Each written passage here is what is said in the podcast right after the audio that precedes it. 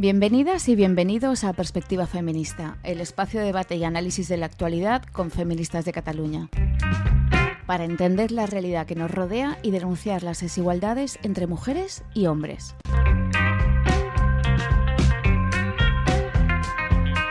Hoy venimos a hablaros de ciencia y en concreto de medicina. Empecemos por definir qué es la medicina. Según la RAE, es el conjunto de conocimientos y técnicas aplicados a la predicción, prevención, diagnóstico y tratamiento de las enfermedades humanas y, en su caso, a la rehabilitación de las secuelas que puedan producir.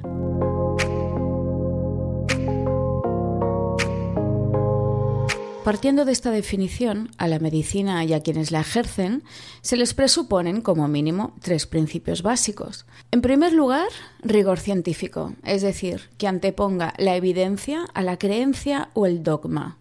En segundo lugar, y directamente ligado al anterior, que no dé nada por supuesto, sino que, aun partiendo de una determinada hipótesis, realice las pruebas necesarias para confirmarla o refutarla. Vamos, lo que viene siendo el método científico. Y en tercer lugar, pero no por ello menos importante, a la medicina y a quienes la practican se les presupone que atiendan de forma equitativa a las personas sin importar su sexo, etnia, procedencia, clase social, religión o estilo de vida, pero sí teniendo siempre muy presente todas aquellas características, variables o particularidades que puedan influir en la respuesta del cuerpo de cada persona ante cualquier circunstancia, sea el aire que respira, el alimento que ingiere o el virus que le invade. Pues bien, mucho me temo que no es así. Y no lo digo yo, lo dice la propia ciencia. Y nos lo explicará en detalle nuestra invitada de excepción de hoy, la doctora Karma Valls, una reputada endocrinóloga y pionera en la introducción de la medicina de la diferencia. Pero ya os puedo ir adelantando una idea, y es que el hecho de haber nacido mujer es un factor de riesgo para nuestra salud. Sé que es una afirmación que de entrada puede que sorprenda a muchas personas o que incluso suene exagerada, pero si nos concedéis unos minutos, entenderéis la base de esta afirmación.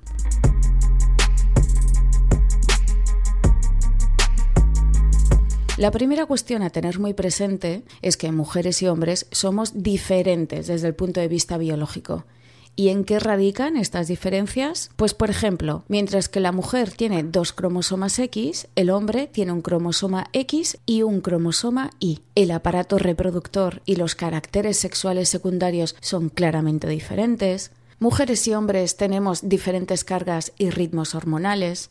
Presentamos un diferente desarrollo muscular y óseo, siendo superior en el caso de los hombres, y también diferente distribución y cantidad de la grasa corporal, que suele ser superior en nosotras las mujeres. El corazón y los pulmones tienden a ser más grandes en los hombres, lo que conlleva también mayor fuerza muscular y resistencia.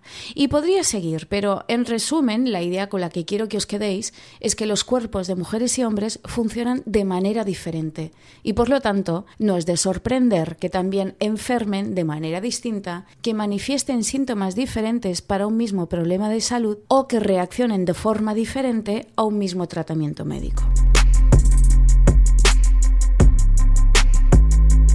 Teniendo en cuenta estas diferencias tan significativas, lo lógico sería que la medicina las tuviera muy presentes tanto en el proceso diagnóstico de las enfermedades como la investigación clínica farmacológica, ¿verdad?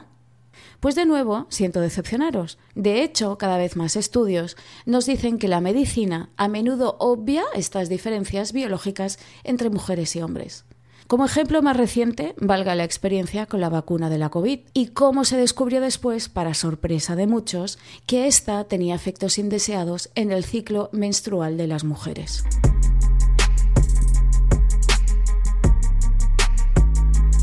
Y esto ocurre porque la medicina está construida sobre un modelo de conocimiento androcéntrico, es decir, un conocimiento producido por hombres y centrado en el estudio de los hombres, y que identifica, por tanto, al hombre, al varón, como el ser humano en general, invisibilizando así a las mujeres. A las que tenéis una cierta edad como yo, quizás os resulte familiar la serie televisiva de dibujos Érase una vez el hombre, ¿verdad? Pues cuando decían hombre se referían al ser humano. Eso nos tenía que haber servido ya en la tierna infancia de pista de lo que nos esperaba, un mundo en el que los hombres son la medida y la referencia de todo.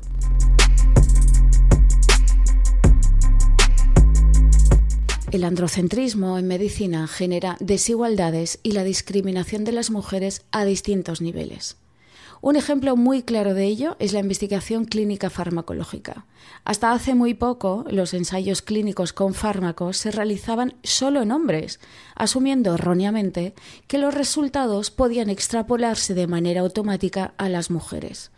Pero no solo eso, sino que también sabemos que parte de la investigación específica sobre las enfermedades de las mujeres se ha centrado solo en la salud reproductiva, como si las particularidades del cuerpo de una mujer respecto al de un hombre radicaran solo en su capacidad para traer bebés al mundo.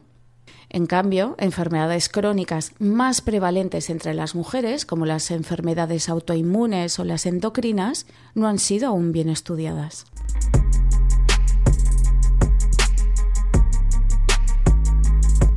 Además de las diferencias biológicas entre mujeres y hombres, otra cuestión fundamental a tener muy presente es que mujeres y hombres somos socializados de manera muy diferente. Y aquí, como socióloga que soy, permitidme que me ponga en modo profe. Empecemos por explicar qué es la socialización, porque últimamente detecto que es un término que a menudo se utiliza de manera errónea. La socialización no es más que el proceso mediante el cual las personas aprendemos a lo largo de nuestra vida los elementos socioculturales de nuestro medio ambiente, es decir, todo aquello que tiene que ver con las creencias, las normas sociales, los valores y la cultura del lugar y el momento histórico en el que vivimos.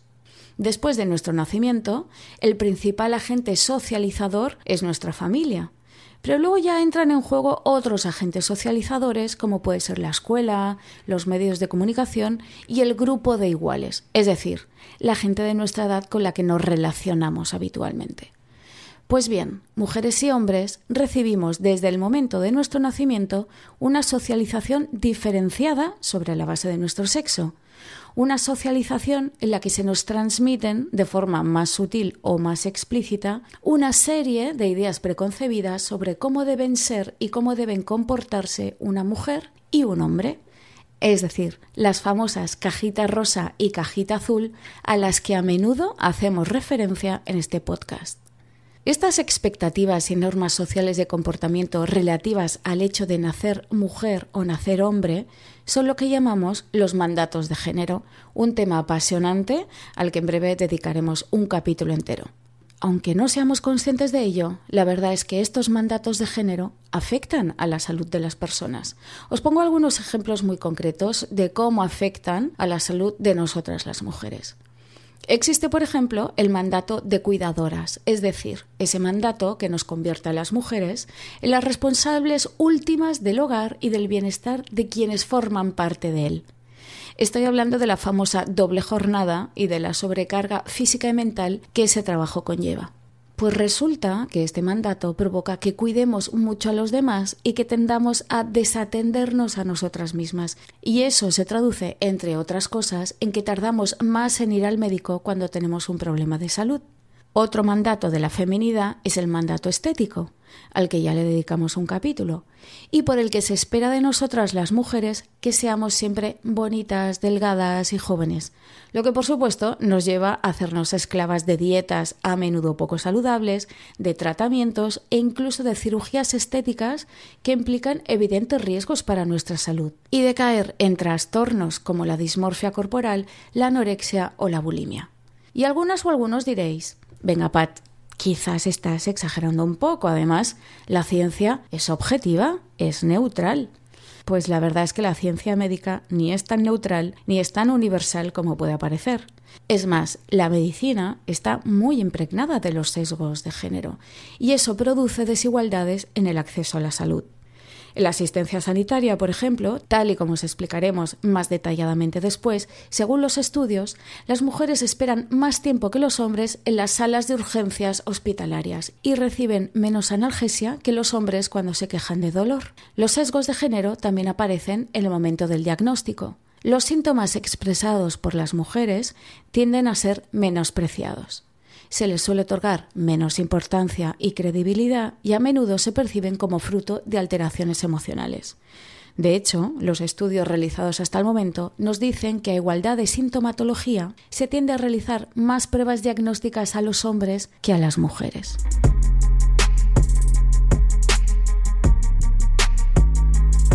En definitiva, la práctica médica no tiene en cuenta las diferencias biológicas entre hombres y mujeres cuando toca, pero sí introduce diferencias en el trato y la atención cuando no toca. Estudiar a los hombres no es estudiar al ser humano. La variable sexo es de vital importancia en general, pero especialmente en medicina. Ignorarla puede afectar de forma muy significativa a nuestra salud, llegando incluso a matarnos. Pero de todo esto hablaremos después con nuestra experta invitada de hoy, que lleva décadas estudiando el androcentrismo en la medicina y luchando por su eliminación. Las histéricas somos lo máximo. Las histéricas somos lo máximo. Extraviadas, boyeristas, seductoras, compulsivas, finas divas arrojadas al diván de Freud y de Lacan. Estamos escuchando Las Histéricas de Liliana Felipe, compositora, pianista, cantante y activista social de origen argentino. Ay, Segismundo, cuánta vaginalidad. El orgasmo clitoriano se te escapa de la mano. Ay, Segismundo, de tan macho ya no encaja. No me digas que el placer es pura paja. Y seguimos con más cosas. Llega la wiki feminista de la mano de mi compañera Erika Bastide.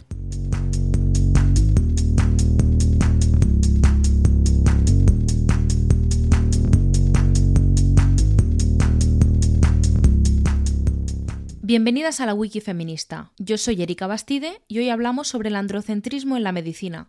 Primero vamos a definir la palabra androcentrismo y lo haremos con una mini clase de lengua. Se trata de una palabra que la podemos dividir en tres partes: andro, centro e ismo.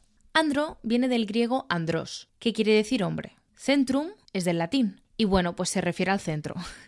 y finalmente el sufijo ismo, que significa doctrina o pensamiento. Entonces, definimos androcentrismo como la perspectiva que sitúa a los hombres en el centro y como medida de todas las cosas, es decir, como modelo del ser humano y aspiración universal. Y presenta aquello que es masculino como la norma, tanto de forma implícita como explícita. Esta perspectiva androcéntrica está en todos lados, y es de estas cosas del feminismo que una vez comienzas a ver no puedes dejar de observar.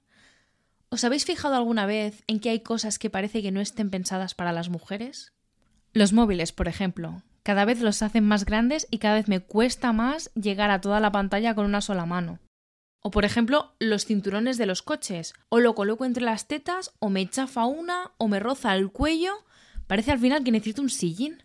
Las mujeres lidiamos con el impacto del sesgo androcéntrico en prácticamente todos los ámbitos de nuestra vida. Si os interesa el tema, la periodista Carolyn Criado Pérez recoge numerosos ejemplos como los que acabo de mencionar en su libro Mujer Invisible. Descubre cómo los datos configuran un mundo por y para los hombres. Es un libro publicado por Seis Barral en 2019 y además de mencionar ejemplos de androcentrismo, habla sobre políticas públicas, estadísticas y percepciones sociales. Yo me leí este libro el año pasado y la verdad es que fue un choque de realidad. Pero sobre el tema del androcentrismo en la medicina, comencé a investigar gracias a los libros de la doctora Karma valls Ella es pionera y referente en este tema. El primero que leí fue Mujeres, Salud y Poder, editado por Cátedra el año 2009, y más tarde descubrí Mujeres Invisibles para la Medicina, editado por Capitán Swing en 2020. La doctora Valls pone múltiples ejemplos del sesgo androcéntrico en la medicina, Quizás el que más conocemos es el de identificar los síntomas de un infarto a partir de los que presentan los hombres. A pesar de que las mujeres presentamos unos síntomas completamente diferentes, las mujeres podemos sentir dolor en la espalda, falta de aire, debilidad, náuseas y vómitos. El problema es que se trata de síntomas que a menudo se confunden con los de una indigestión. Pues bien, este dimorfismo, es decir, las diferencias entre el cuerpo de las mujeres y el cuerpo de los hombres, ha sido ignorado durante siglos por la medicina. Tradicionalmente se ha tomado al hombre como el modelo estándar de ser humano, y las mujeres hemos pasado a ser algo así como lo mismo pero con distintos genitales. El único campo especializado en nosotras, y por razones obvias, ha sido el de la ginecología, y el resto, pues lo que servía para ellos, se nos aplicaba a nosotras. A la ginecología le deberíamos dedicar un capítulo entero, porque ya solo su historia ha sido una historia de carniceros, si se me permite la expresión, y yo estoy harta de quejarme de dolores menstruales y que me insistan en tomar pastillas anticonceptivas o en tener que esperar literalmente cuatro meses para que me den hora para una ecografía. Todas las mujeres que conozco dicen que las mamografías son horribles. Y digo yo, ¿no podrían inventar una máquina un poco distinta para mirar lo mismo? Si los hombres tuvieran que mirar el cáncer de testículos como nosotras nos miramos el de mama, ya te digo yo que esta máquina tendría un diseño muy diferente. Y luego, además, las mujeres sufrimos una excesiva medicalización de los procesos naturales. Ya he mencionado el tema de la anticoncepción, pero además es que te quedas embarazada y parece que durante los nueve meses de embarazo vas tantas veces al médico como en el resto de tu vida. Y no os penséis que el androcentrismo solamente está relacionado con la salud física de las mujeres, ¿no? ¿Habéis oído hablar alguna vez de la histeria? La propia palabra viene de la griega histerón, que significa útero. Y para definirlo mal y rápido, la histeria era algo así como la respuesta victoriana por antonomasia de los médicos cuando no sabían qué problema tenía una mujer que acudía a ellos, si es que tenía alguno. No hace tanto tiempo que las mujeres con problemas de salud mental eran encerradas en una habitación en el ático de su casa. En ocasiones fueron representadas en la literatura como la loca del desván.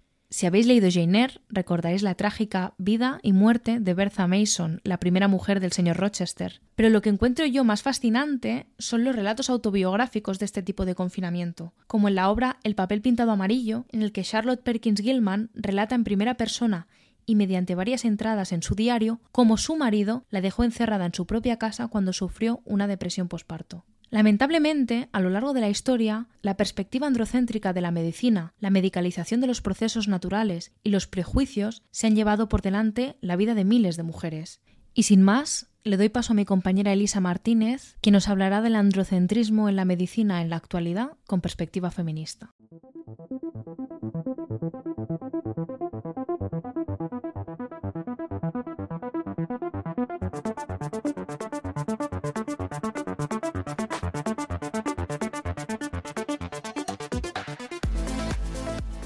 Guapa. Al pedirme, al pedirme, mo- a pedirme moto, suegra que tiene, encantada de conocer. Igualmente. Tiene una suegra, oh, yo no la quiero ni ver. Yo, Mirando. ya me voy. Hola, encantada. ¿Qué tal? Encantada. La fibromialgia es una de estas enfermedades que durante años ha pasado desapercibida por afectar principalmente a las mujeres. La patología produce un dolor generalizado, sin signos inflamatorios articulares ni musculares, y las pacientes presentan un buen estado en general. Hola, soy Elisa Martínez y hoy en nuestra sección de actualidad con perspectiva feminista hablamos de la fibromialgia.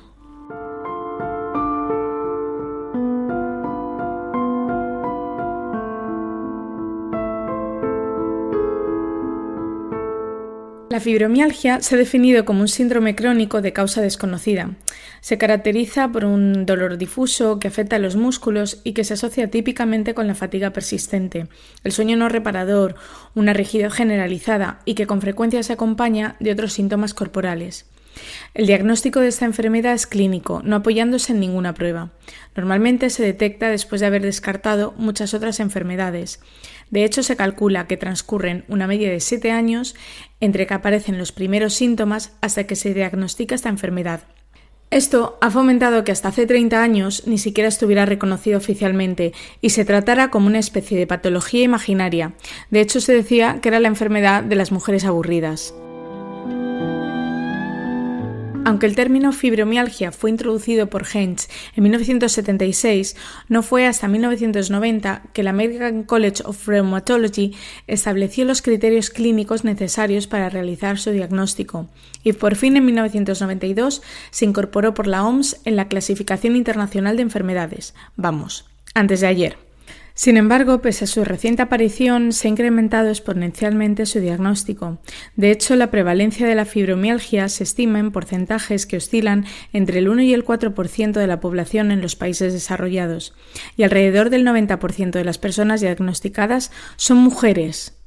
Como destaca Beatriz Tosal en el artículo Síndromes en femenino, el discurso médico sobre la fibromialgia, este aumento podría deberse a la existencia de determinadas características específicas de las mujeres que nos hacen más susceptibles de padecer la enfermedad, o a circunstancias relacionadas con nuestro papel social asignado que pueden suponer situaciones de riesgo para desarrollarla, o también podría deberse a la forma en que se construye y diagnostica la propia enfermedad. Una gran complicación para el diagnóstico es que estos síntomas pueden ser crónicos o aparecer y desaparecer con fluctuaciones en la intensidad de los mismos. Al no haber una prueba que confirme el dolor ni la fatiga, suelen producirse sentimientos de frustración, ansiedad y depresión, enfermedades que por otro lado son diagnosticadas mayoritariamente también a las mujeres, como explicaba antes Pat de Lidia. Así que para conocer más sobre esta realidad, acompaño hoy a Mari dando un paseo hasta el local de Apafer. Esta asociación de pacientes con fibromialgia, fatiga crónica y otras enfermedades reumáticas está situada en Mijas Costa, Málaga. Mari fue diagnosticada hace 23 años y es voluntaria desde 2017. Ella, junto con un grupo de otras 10 compañeras, atiende en una pequeña tiendita que pertenece a la asociación, donde venden ropa de segunda mano de donada y objetos elaboradas por los propios no usuarios. que no nos da tiempo a... Porque tú ves que estamos aquí, pero encima nos van trayendo ropa. Estamos sacando y estamos recibiendo, entonces... Y luego el dinero va todo a la asociación. ¿Y qué hacéis en...? En la asociación tenemos masajistas, tenemos psicólogos, tenemos fisio, no sé qué, unos cuantos de que dan masaje. Y para la asociación para recaudar fondos, porque hay que pagarle a los que están ahí. La chica que está en la oficina cobra, la psicóloga cobra, esto cobra, José cobra, una chica que hay también para los pies y esas cosas también cobra, entonces... Claro. Esta labor de apoyo, acompañamiento y visibilización de la enfermedad se hace fundamental. En asociaciones como APAFER facilitan información y asesoramiento y fomentan la autonomía personal y la capacitación psicosocial a través de servicios de atención especializada y actividades dirigidas. Pero no solo es eso. También es la comunidad que se genera, la comprensión y apoyo que estas mujeres encuentran en sus compañeras. Nos vemos mañana, sí. Sí. Para el cumpleaños. ¿Tienes yoga o algo mañana? Mañana tengo yoga. Oh. Otra vez me te vaya a dejar sin comer. No, no, yo te guardo lo que sea. Hay que ver que cada vez que hay un cumpleaños, mira que este año, mira que se han celebrado Mañana hay cumpleaños. tres. Bueno, pues mañana nos vemos. Cuando hacemos los cumpleaños muchas veces nos disfrazamos. A la que está, a la que es del cumpleaños le tapamos el ojo para que no vea lo que le vamos a hacer. Una terminó un día, me acuerdo, lo que yo me reí, en lo alto de la mesa, pues le habían regalado un, le regalamos un como un camisón de dormir, pero cortito así de encajito, muy chulo. Ella no se lo pensó. Se metió para el baño, se puso su camisa, se puso alto de la mesa a bailar. que hay un hay un compañerismo entre las, más o menos entre esas 10 que somos, ¿no? Sí, De las que estamos juntas siempre, que no es que la otra bien se da Sí, su pasajito y se va. sí. Pero de eso es verdad que a veces. Estas mujeres ya están haciendo todo lo que está en su mano para estar lo mejor posible. Sin embargo, no podemos dejar de denunciar que la falta de estudios que ahonden en las causas de un diagnóstico tan diferencial entre mujeres y hombres se debe a esta visión androcéntrica de la medicina. De esta manera, al igual que en el siglo XIX convirtieron la histeria en ese cajón desastre donde cabían todos los malestares femeninos, entre comillas, la feminización de determinadas enfermedades que afectan de forma exclusiva o mayoritariamente a las mujeres, como es la fibromialgia en este caso, incide en el esfuerzo desarrollado para su investigación y diagnóstico, o en la falta de este. ¿Estoy exagerando? Os leo un titular. Indignación en Francia por la muerte de una joven de la que se burlaron las operadoras de emergencia. Naomi Musenga, una madre de 22 años, falleció el 29 de diciembre por un fallo multiorgánico seis horas después de llamar a los servicios médicos de emergencia. Las operadoras no se tomaron en serio la gravedad del caso. Que no nos tomen en serio, que achaquen a la exageración o a problemas psicológicos síntomas que sufrimos las mujeres, causa el diagnóstico tardío de muchas enfermedades, poniendo en riesgo nuestra salud y nuestra vida. Terminamos este capítulo con la sección FemTalk, en la que Pat de Lidia entrevistará a la autora Karma Valls.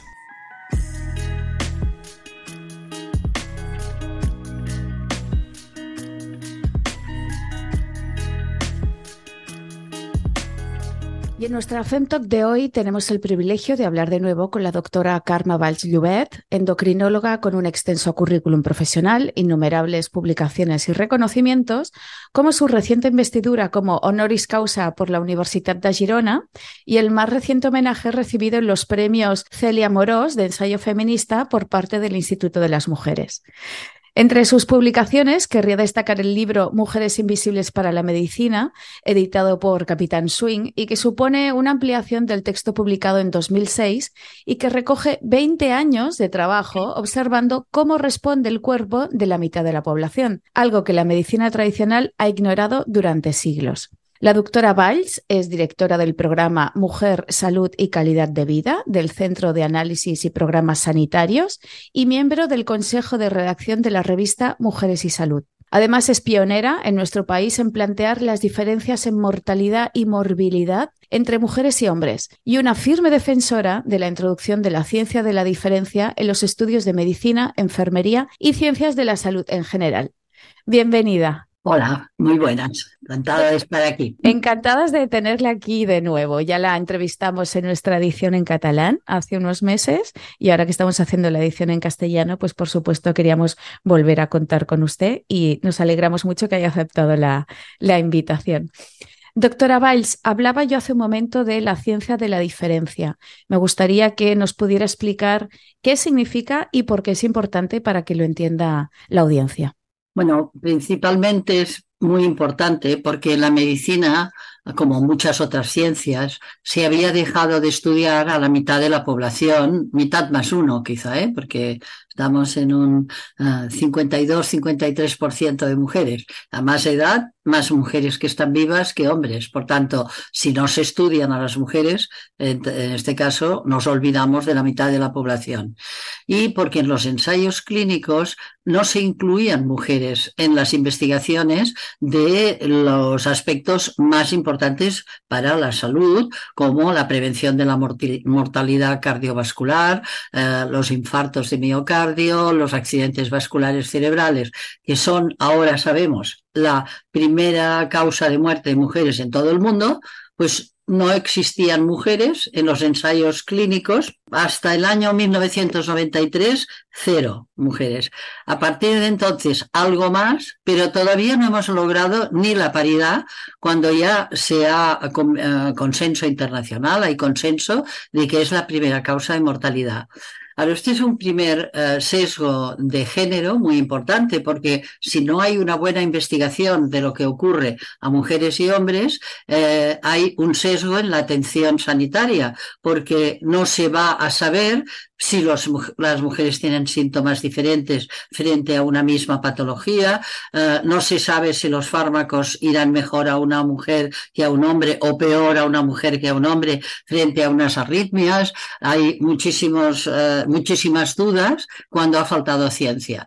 Por lo tanto, ciencia de la diferencia y de la desigualdad sería entender que mujeres y hombres tienen diferencias biológicas importantes delante de la enfermedad, que pueden padecer enfermedades por razones diferentes. Por ejemplo, las mujeres pueden tener eh, más tendencia a hacer enfermedad cardiovascular en la vida adulta si han tenido un embarazo con eclampsia, que es hipertensión gravídica, si han tenido diabetes durante el embarazo, eh, si han tenido síndrome de ovario poliquístico severo, y eso no pasa a los hombres. Por lo tanto, eso no lo sabíamos hace 30 años, ni hace 20, ni hace 10. Esto ha sido ciencia que se ha ido creando más en los últimos tiempos y aún la que falta por crear. Y por otra parte, lo que sí es específico de las mujeres, como puede ser la menstruación, la menopausia, el, síndrome posparto, la salud antes del embarazo, esto también es invisible. O sea que la salud sexual y reproductiva, que parecía que estaba bien estudiada, porque los embarazos sí se estudiaban, para procrear sí sirven las mujeres, pero para estudiar la mujer como un ente global, pues eso olvidado, o sea, vacíos en la ciencia. Por lo tanto, abogamos que se haga esta ciencia, que se investigue las diferencias entre mujeres y hombres y que además se investigue de forma profunda porque también hay otro problema que es eh, la, valorar los seres humanos solo por la apariencia, solo, por ejemplo, por los genitales externos. Pero ahora sabemos cosas mucho más profundas de cómo funciona su cuerpo, sus neuronas, sus tejidos, y todo eso cambia la, la medicación que tendríamos que dar para diversos problemas uh, diferentes. Eh, me ha parecido muy, muy llamativa eh, muy llamativo un dato que ha dado y es que hasta el año 95, creo que ha dicho, o 93, no se, no se incluyeron mujeres en ensayos clínicos. Es llamativamente injusto, inequitativo, lo que tú quieras llamarlo, ¿eh? pero es, eh, eh, no se incluyeron mujeres en trabajos esenciales, como eran los de corazón, como eran los de toxicología, por ejemplo. Si un tóxico ambiental o en las fábricas, si el plomo afectaba de una manera diferente a mujeres o hombres o otros productos, pues nos costó mucho encontrar trabajos de la diferencia. Solo en algunos trabajos de nutrición se habían incluido mujeres en la corte de investigación, pero si no, eh, eso eh, no estaba. Como no estaba, no se sabía. ¿Qué se había presupuesto? Habían hecho una presunción falsa, eh, pero, pero mm, claro, con el dinero que tenían para investigar, decidieron que para investigar si la aspirina iba bien para la trombosis de los infartos, pues que solo incluyeron 15.000 hombres. Si la cirugía de coronarias iba bien para evitar que volviera a repetirse un infarto, solo 22.000 hombres. Con lo cual, mm, al no existir ni por asomo mujeres, no se sabía si había resultados diferentes en mujeres y hombres. Claro, el efecto es clarísimo, eh, pero la causa, ¿cuál es? Porque no es... Eh, no es que digas, bueno, yo cojo así al tuntún, digamos, a mil personas, ¿no? Para hacer un ensayo, me invento. No, no, es que escojo mil varones, o sea, mil personas de sexo masculino. Ah. Dejo muy conscientemente a las mujeres fuera. ¿Por qué eso? ¿Por qué eso? Porque alguien creyó que las mujeres no podían tener infartos, pero era una, es una creencia, no es ciencia. O sea, la creencia sobre algo la tienes que demostrar. Entonces, para demostrar si las mujeres podían o no tenerlo, tenían que haber incluido mujeres en los estudios y no se incluyeron. No, fue un error mm, y es un error, porque eso todavía está ocurriendo. Todavía en los trabajos de investigación hay incluidos más eh, eh, hombres que mujeres ya en el corazón. Pero luego imagínate en todos los otros campos de la medicina en que hemos de estudiar, en salud mental, en eh, salud eh, de enfermedades autoinmunes. Las mujeres tienen más enfermedades autoinmunes que los hombres, pues son las enfermedades menos estudiadas, menos comprendidas, la artritis reumatoide, lupus eritematoso, la misma tiroiditis autoinmune o de Hashimoto, que es de predominio claramente femenino. Hay 50 mujeres que la tienen por un hombre que la tiene, pues esto solo se ha estudiado um, muy superficialmente. Y es lo que más nos encontramos en la vida cotidiana en atención sanitaria y en atención primaria, porque todas estas enfermedades de predominio entre mujeres, la misma falta de hierro por la menstruación, continuada, ah, todo eso ah, que produce cansancio y dolor. Y por cansancio y dolor es por lo que las mujeres acuden al sistema sanitario. ¿Cómo responde el sistema sanitario a una mujer que va cansada y con dolor?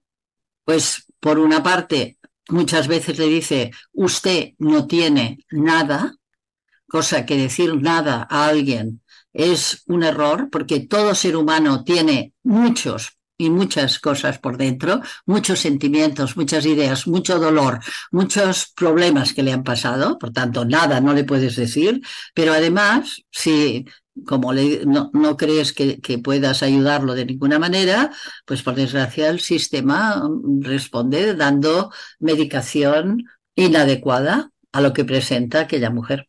De hecho, mi siguiente pregunta iba precisamente en esa línea, ¿no? Eh, a lo largo del programa de hoy también hemos estado hablando de eso y, bueno, según los datos disponibles a nivel estatal, eh, el 30% de la población en España toma psicofármacos. Creo recordar además que usted comentó en la entrevista anterior que es uno de los países donde más psicofármacos se prescriben, ¿no?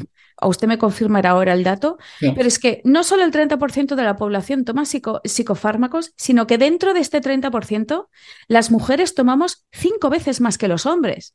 Y no los tomamos porque nos da la gana, es porque alguien nos los prescribe, ¿no? ¿Qué está pasando ahí? ¿Qué hay detrás de esas cifras? Pues mira, estas cifras responden a lo que comentaba de que faltaban diagnósticos certeros hacia el cansancio, el dolor que presenta una mujer, al malestar. Entonces, a veces malestar difuso, porque cuesta de concretar, me duele todo, por ejemplo, es muy fácil que puedan decir muchas mujeres. Y bueno, tenemos muy poco tiempo de consulta en salud pública y es muy fácil eh, pensar que resolverás algún problema dándole un sedante o un antidepresivo. El cinco veces más de mujeres que en hombres es en el caso de los antidepresivos. O sea, las mujeres eh, son más que toman, eh, les, han, les han prescrito eh, cinco veces más antidepresivos que a los hombres y a los ansiolíticos dos veces y media más a las mujeres que a los hombres. Y estas cifras tan dispares también son porque los hombres piden poca ayuda para los problemas cotidianos que tengan, que también pueden tener ansiedad y depresión los hombres, pero mm, no lo, no lo cuentan al médico. Mm, Más bien eh, se van al bar, hablan con amigos o corren, corren con el coche, corren con la moto y se matan ¿eh? Eh, eh, corriendo.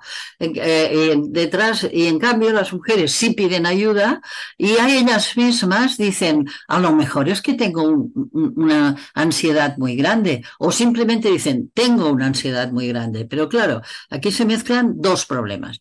Es verdad que las mujeres podríamos tener una ansiedad, en fin, mm, eh, a nivel del Everest. ¿Por qué? Pues vivimos en una sociedad androcéntrica. Siempre tenemos que estar ah, ah, atentas a las discriminaciones que nos van a llegar por tierra, mar y aire. Siempre nos va a haber un insulto de alguien, siempre minusvalorarán nuestro trabajo, ah, siempre dirán que nos hemos equivocado antes que se lo dirán a un hombre. Ah, todo esto es una presión constante en la vida de las mujeres, en la vida laboral, en la vida personal. Luego hay las relaciones de pareja difíciles, hay la relación con el resto de la familia, lo- lo- la- el papel de cuidadoras que también tensa. Ah, todo esto crea ansiedad.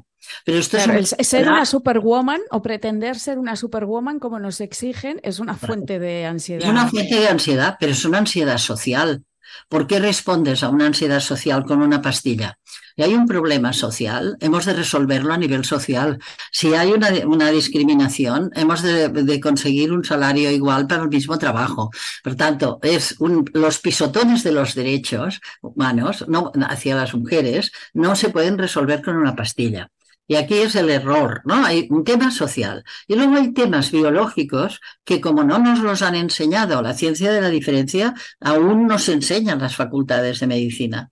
Claro, ¿qué, qué pasa? Que, por ejemplo, una, una, vamos a pensar en una mujer joven eh, con una menstruación superabundante de siete días de duración, que es como las tienen muchas chicas de los eh, 15 a los 21 años. Está, está perdiendo hierro cada mes. Solo la pérdida de hierro de tres meses ya aumenta la ansiedad, aparte del cansancio, eh, de que hay malestar, ya aumenta la ansiedad. Y como esto se ha hecho en los primeros años de vida, nadie le vuelve a mirar a esta mujer la ferritina en su vida. Con lo cual, muchas mujeres perpetúan, incluso estamos viendo ahora, haciendo un estudio a fondo, que mujeres de 70 años continúan teniendo una ferritina tan baja como cuando tenían eh, 18. Claro, eso da siempre ansiedad. Y luego tenemos un tanto por ciento de mujeres, casi un 20% de la población, que tienen en España un problema de tiroides. Y eso aumenta la depresión. Y porque hay mucho dolor muscular generalizado, tampoco se valora como un problema. Se dice, no, no pasa nada. Como es muy frecuente, es normal.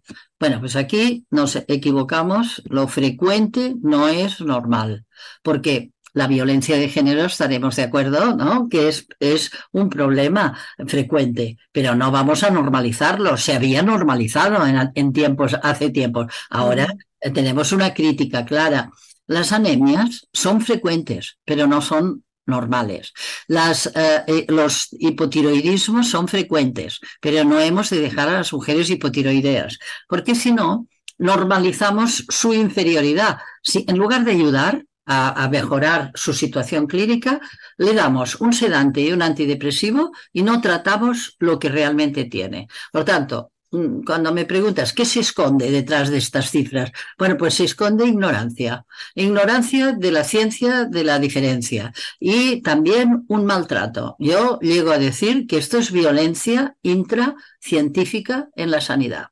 Y de hecho, que mm, lo decía yo, como has dicho, desde hace 30 o 40 años ya, pero ahora hay unos hematólogos americanos y canadienses que acaban de publicar un artículo sobre la inequidad y injusticia en tratar a las mujeres en hematología y también minorías étnicas, ¿eh?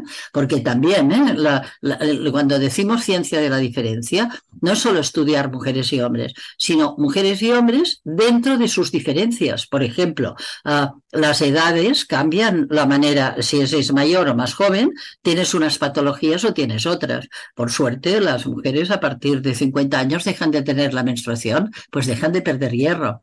Pero las minorías étnicas tampoco han sido bien estudiadas y, por ejemplo, pues las personas de color eh, tienen unas anemias mucho más grandes que las mujeres blancas. Bueno, pues a ver, uh, ¿los hemos estudiado bien?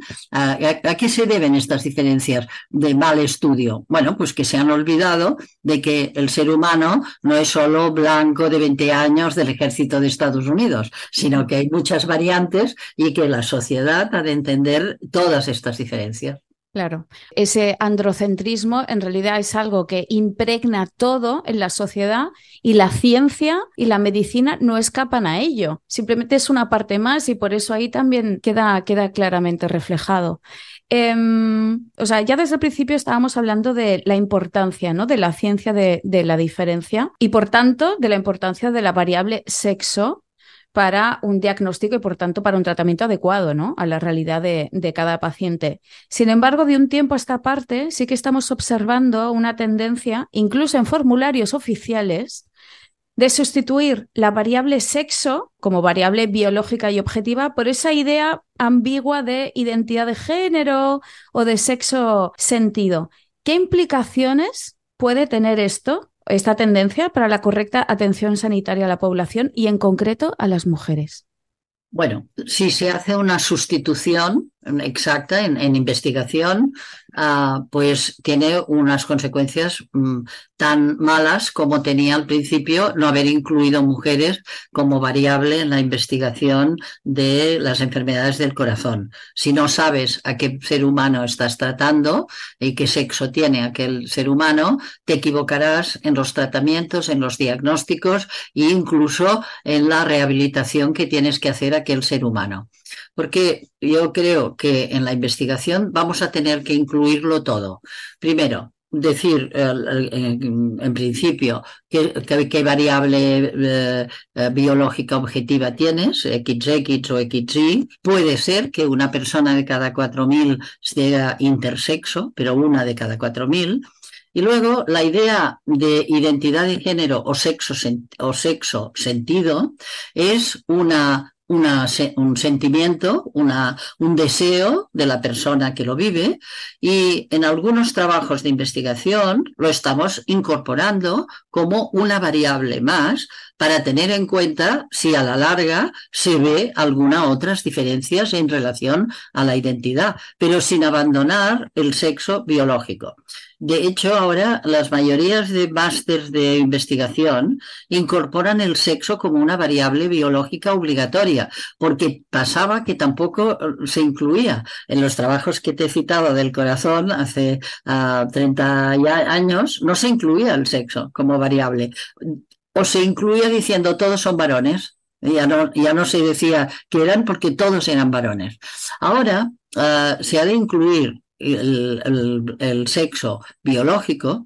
Y yo creo que también es importante incluir el sexo de eh, deseo que el sexo deseo se puede incluir fácilmente. Usted se siente eh, persona no binaria o se siente persona trans. Bueno, pero las personas que menstruan, por ejemplo, estamos haciendo un trabajo de menstruación, pues si tienen menstruación han nacido con cuerpo de mujer. Claro, son mujeres.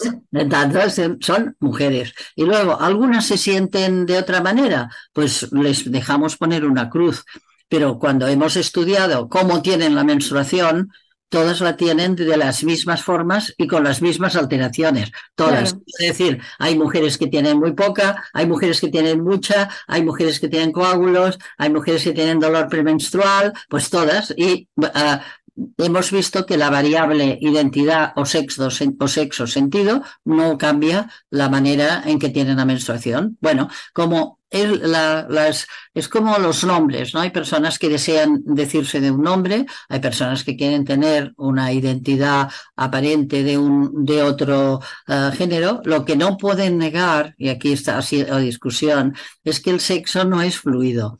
El sexo impregna las, los cromosomas XX o XY, impregnan, como decía al principio, todas las células del cuerpo. Por ejemplo, cómo se desarrolla el cerebro, cómo se desarrolla el cuerpo calloso, cómo se comunican el cerebro de eh, las mujeres, comunica más el hemisferio derecho y el izquierdo, tiene muchas más conexiones de los dos hemisferios. El cerebro masculino comunica más de, atrás hacia adelante y de delante hacia atrás y menos los dos hemisferios cerebrales.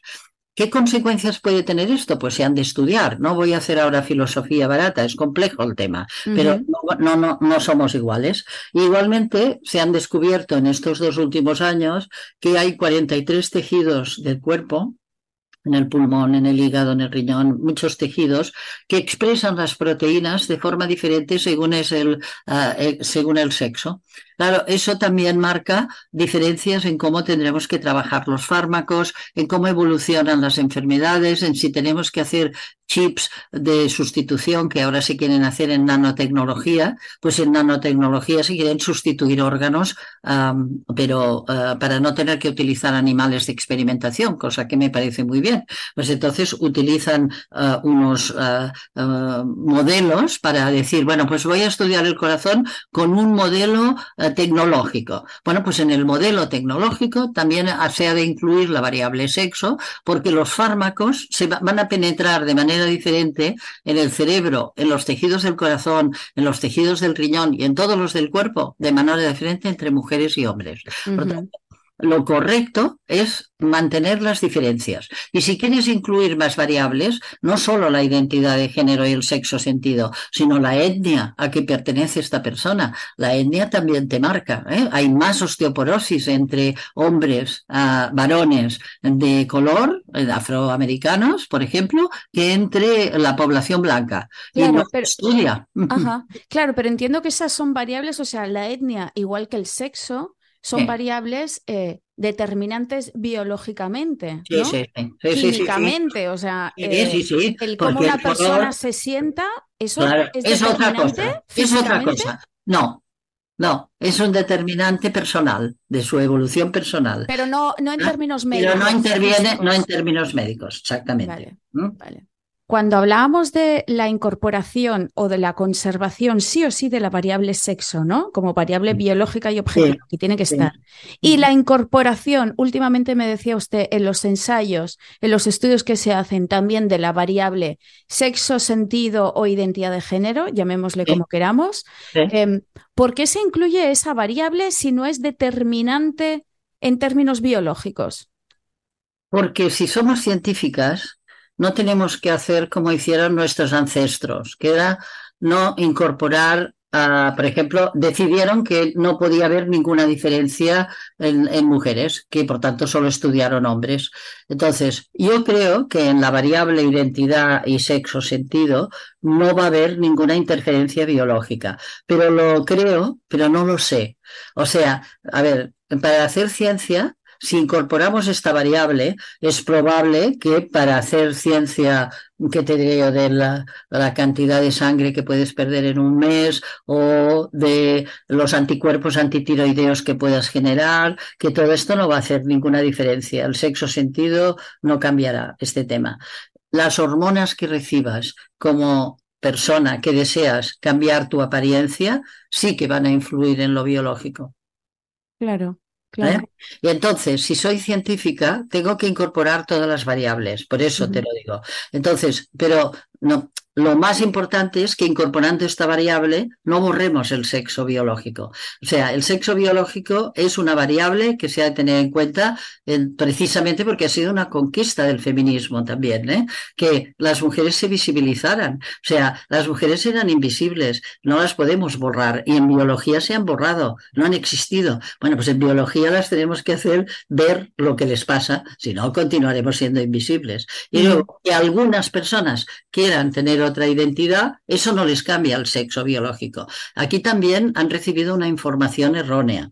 ¿eh? Las hormonas no cambian el sexo biológico, aunque las, a las hormonas que, le, que, les dan. Que les dan, las que, las que ellas eh, toman, las personas que toman hormonas para transformar su apariencia sexual, no cambia el sexo biológico. Continúan teniendo el cromosoma que tenían.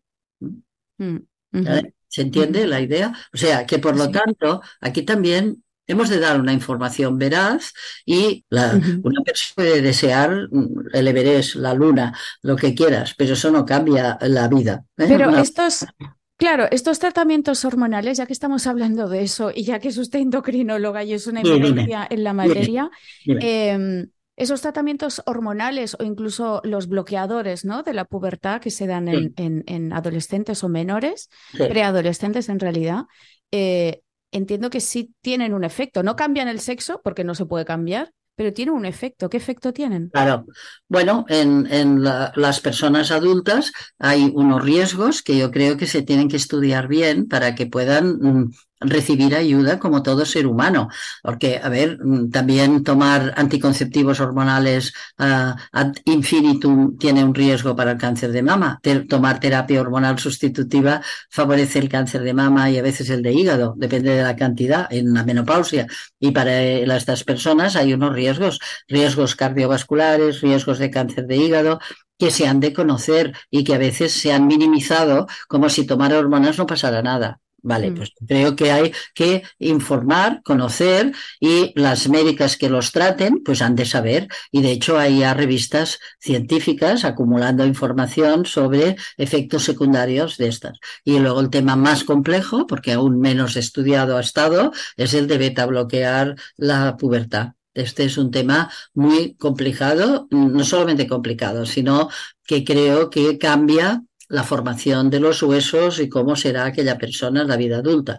Eh, no lo sabemos porque no se había tenido tal cantidad de personas que estuvieran tomando estos eh, fármacos, pero sí que teníamos unas experiencias, ¿no? Como las que pasaron en Rusia en la época de las, de las personas que hacían gimnasia rítmica.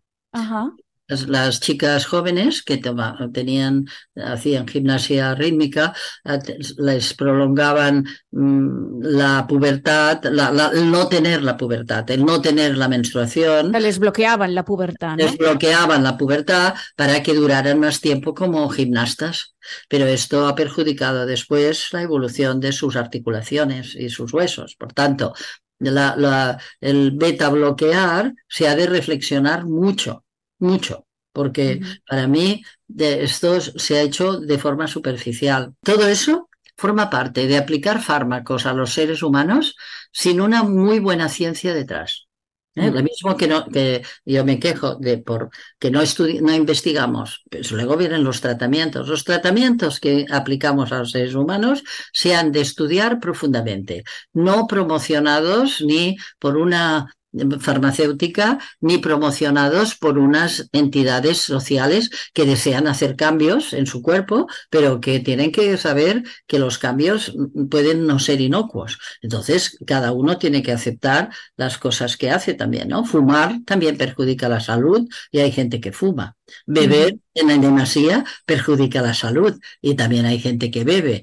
Pues tomar hormonas puede perjudicar la salud según la dosis que tomes. Claro, y supongo que especialmente en, criaturas, ¿no? En niños y niñas. Mucho más, sí. Bueno, y sobre todo porque no, ellas no, no pueden decidir con mucha libertad, deciden sus padres. Claro, claro. doctora, para terminar, em, ¿cree usted que las mujeres dejaremos de ser invisibles para la medicina? ¿Cuáles son un poco las, las perspectivas futuras en cuanto a la incorporación de la ciencia de la diferencia en la medicina? Si la medicina continúa siendo científica, eh, vamos a, ser visibles.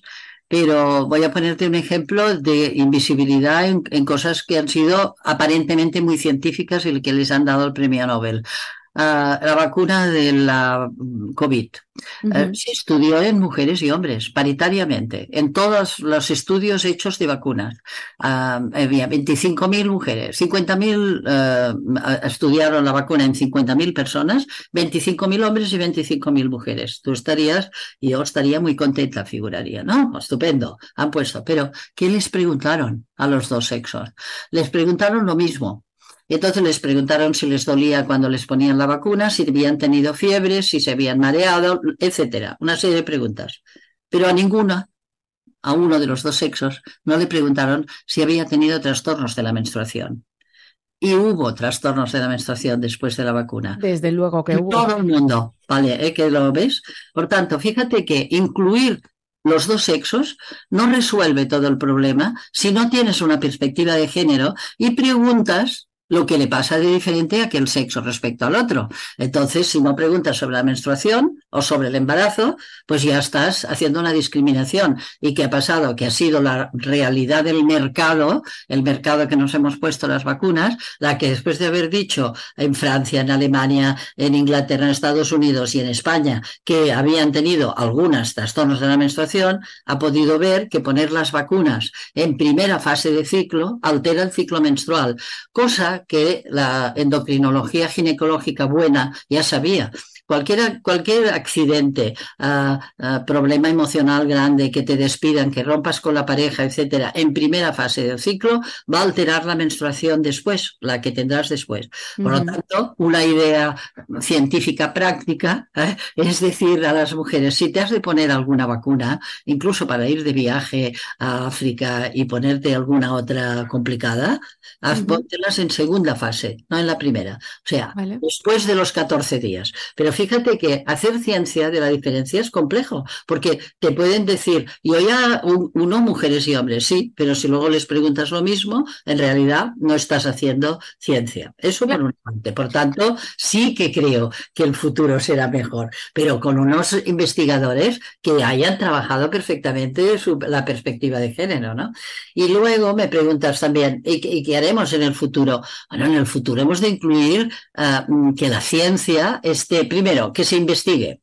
Cuando esta investigación está, no puedes cerrar los ojos los docentes, tienen que incorporarla en la universidad. No puede ser continuar dando clase de género neutro. ¿Eh? Damos unas clases de medicina, enfermería, psicología, que parece que el ser humano que está allí no tenga ni sentimientos. Es una ¿qué es esa cosa que estudiamos. Y luego ya la docencia cambiará la asistencia. Los protocolos asistenciales tienen que incorporar las diferencias. Por ejemplo, las guías de buena práctica clínica. Me leo la, la guía del lupus eritematoso en España.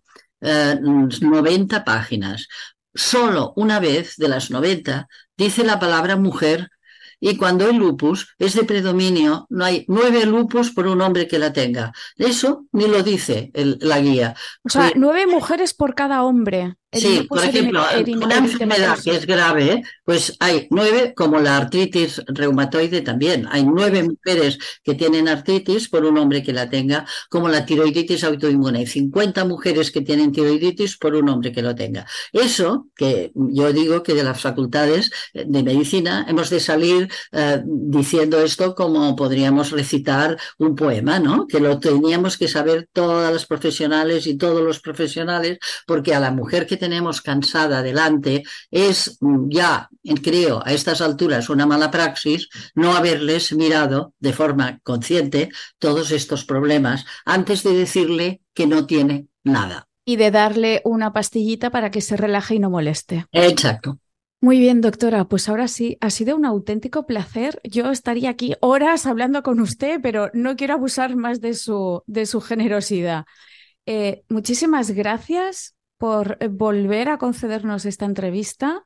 Eh, además, me encanta porque el hecho de hacer esta edición en castellano de capítulos que ya hicimos, en realidad no está siendo simplemente traducir, sino que cada entrevista salen temas nuevos y salen nuevas reflexiones.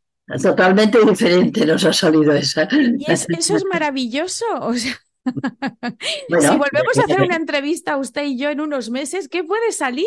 ¿No? Mm, ya te lo diré. ya hablaremos de eso. Hablaremos, de acuerdo. Pero bueno, son, hemos, son realidades que están ocurriendo en la sociedad, que es bueno que las hablemos y las pensemos. ¿eh? Exacto, exacto. Pues lo dicho, mil gracias. Un placer. Placer también.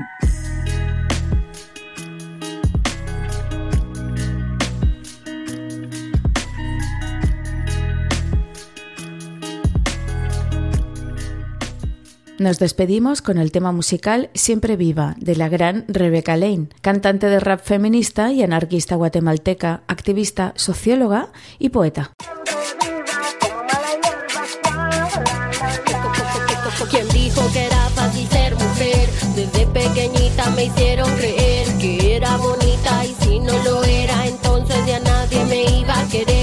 de supervivencia y lucha de las mujeres que nosotras adoptamos como propio frente a quien niega la biología de las mujeres y las desigualdades que sufrimos por el hecho de haber nacido hembras de la especie humana. Me dicen mala hierba porque nunca me dejemos